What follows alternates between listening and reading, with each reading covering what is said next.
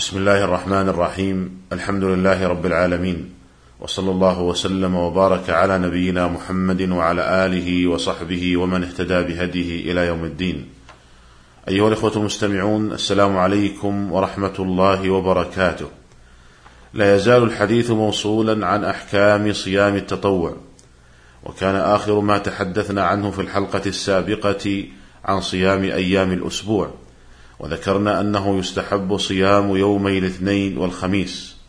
وأما صيام يومي الثلاثاء والأربعاء فسنة مطلقة باعتبار أن المسلم يستحب له الإكثار من صيام التطوع وليس بسنة على التعيين. وأما صيام يوم الجمعة فيكره تخصيصه وإفراده على قول الجمهور ويحرم في أظهر قولي العلماء. وبقي من أيام الأسبوع يوم السبت والأحد.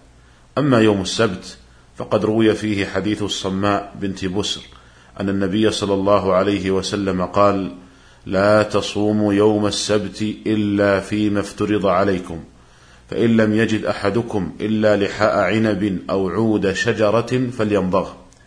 وهذا الحديث أخرجه أبو داود والترمذي والنسائي وابن ماجه وأحمد. وقال الإمام مالك بن أنس هو كذب. وقال أبو داود هو منسوخ. وقال النسائي هو حديث مضطرب. وكذا قال الحافظ ابن حجر رحمهم الله تعالى جميعا. فيكون هذا الحديث غير محفوظ. ثم هو معارض بما هو أصح منه. وهو ما جاء في الصحيحين عن أبي هريرة رضي الله عنه أن رسول الله صلى الله عليه وسلم قال لا تصوموا يوم الجمعة إلا أن تصوموا يوما قبله أو يوما بعده. واليوم الذي بعد الجمعة هو يوم السبت.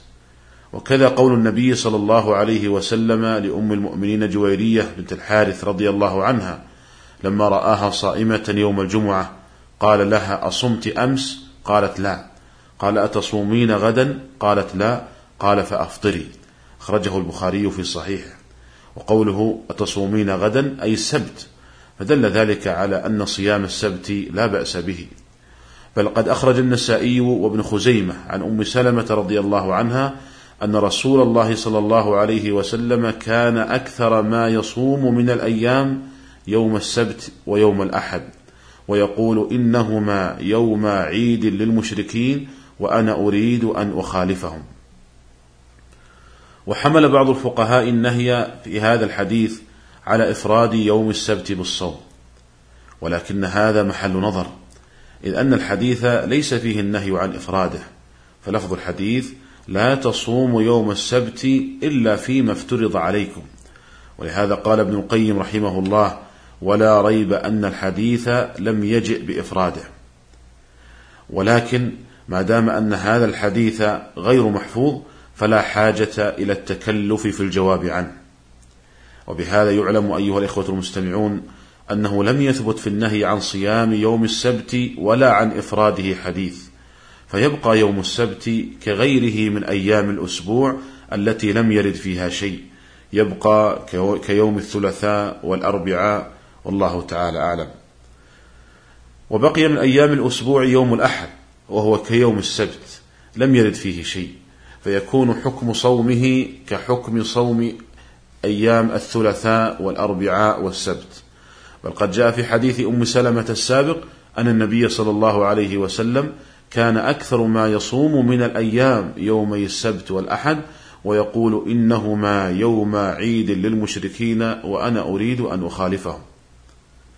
والحاصل مما قلناه في الحلقة السابقة وفي هذه الحلقة بالنسبة لصيام أيام الأسبوع أن صيام يومي الاثنين والخميس سنة على التعيين وأنه يحرم إفراد يوم الجمعة بالصيام بقصد تعظيمها ويزول التحريم بصيام يوم قبله أو يوم بعده. وأما بقية أيام الأسبوع الثلاثاء والأربعاء والسبت والأحد فلم يثبت فيها شيء فيبقى صيامها سنة مطلقة باعتبار أن المسلم يستحب له الإكثار من صيام التطوع وليس سنة على التعيين في أي يوم منها. والله تعالى أعلم. ومن أنواع صيام التطوع صيام يوم عرفة لغير الحاج. لما جاء في صحيح مسلم عن أبي قتادة رضي الله عنه أن رسول الله صلى الله عليه وسلم سئل عن صيام يوم عرفة فقال أحتسب على الله أن يكفر السنة الماضية والباقية. وعلى هذا فصيام يوم عرفة أفضل من صيام يوم عاشوراء لأن صيام عاشوراء قال فيه عليه الصلاة والسلام أحتسب على الله أن يكفر السنة التي قبله وأما صيام عرفة فقال يكفر السنة الماضية والباقية. وأما بالنسبة للحاج فقد نهى النبي صلى الله عليه وسلم عن صوم يوم عرفة بعرفة. والحكمة من ذلك والله أعلم حتى يتقوى الحاج بفطره على الدعاء في صعيد عرفة. ولأن الفطر في السفر أفضل في فرض الصوم فكيف بنفله؟ قال ابن القيم رحمه الله وكان شيخنا يعني أبا العباس ابن تيمية يسلك مسلكا آخر وهو أن يوم عرفة يوم عيد لأهل عرفة لاجتماعهم فيه كاجتماع الناس يوم العيد. وهذا الاجتماع يختص بمن بعرفة دون أهل الآفاق. قال وقد أشار النبي صلى الله عليه وسلم إلى هذا في الحديث الذي رواه أهل السنن يوم عرفة ويوم النحر وأيام منى عيدنا أهل الإسلام. ومعلوم أن كونه عيدا لأهل ذلك الجمع لاجتماعهم فيه. والله أعلم. ويستحب صيام التسعة الأيام الأولى من ذي الحجة لأن الصوم من أفضل الأعمال الصالحة. وقد قال عليه الصلاة والسلام ما من أيام العمل الصالح فيهن أحب إلى الله تعالى من هذه الأيام العشر. أخرجه البخاري في صحيحه. ومن أنواع صيام التطوع صيام عاشوراء وهو اليوم العاشر من شهر محرم. وقد أمر النبي صلى الله عليه وسلم بصيامه قبل فرض صيام شهر رمضان فكان صومه واجبا. فلما فرض صيام شهر رمضان قال النبي صلى الله عليه وسلم من شاء صامه ومن شاء تركه فنسخ وجوب صومه وبقي الحكم على الاستحباب. وأخرج البخاري في صحيحه عن عائشة رضي الله عنها قالت كان يوم عاشوراء تصومه قريش في الجاهلية وكان رسول الله صلى الله عليه وسلم يصومه في الجاهلية فلما قدم المدينة صامه وأمر بصيامه. فلما فرض رمضان ترك يوم عاشوراء أي وجوب صومه فمن شاء صامه ومن شاء تركه. وكان صلى الله عليه وسلم يحرص على صيام عاشوراء أكثر من غيره من أنواع صيام التطوع. ففي صحيح البخاري عن ابن عباس رضي الله عنهما قال ما رأيت النبي صلى الله عليه وسلم يتحرى صيام يوم فضله على غيره إلا هذا اليوم يوم عاشوراء. وكان عليه الصلاة والسلام في أول الأمر يحب موافقة أهل الكتاب فيما لم يؤمر فيه بشيء. فوجد اليهود تصوم هذا اليوم وتقول هذا يوم نجى الله تعالى فيه موسى وقومه.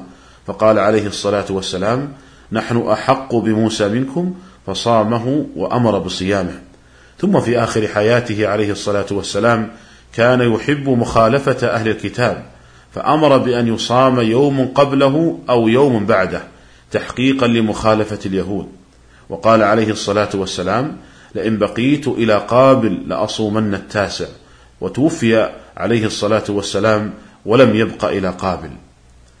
ومراتب صيام عاشوراء أربع مراتب المرتبة الأولى أن يصام عاشوراء مع يوم قبله ويوم بعده.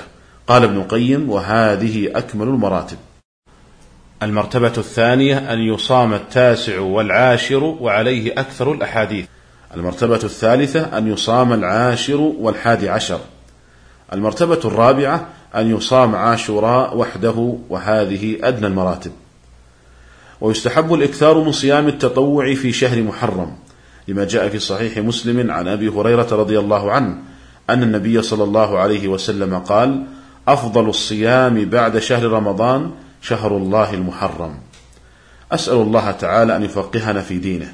وأن يرزقنا العلم النافع وأن يوفقنا لما يحب ويرضى من الأعمال والأقوال. إنه سميع مجيب.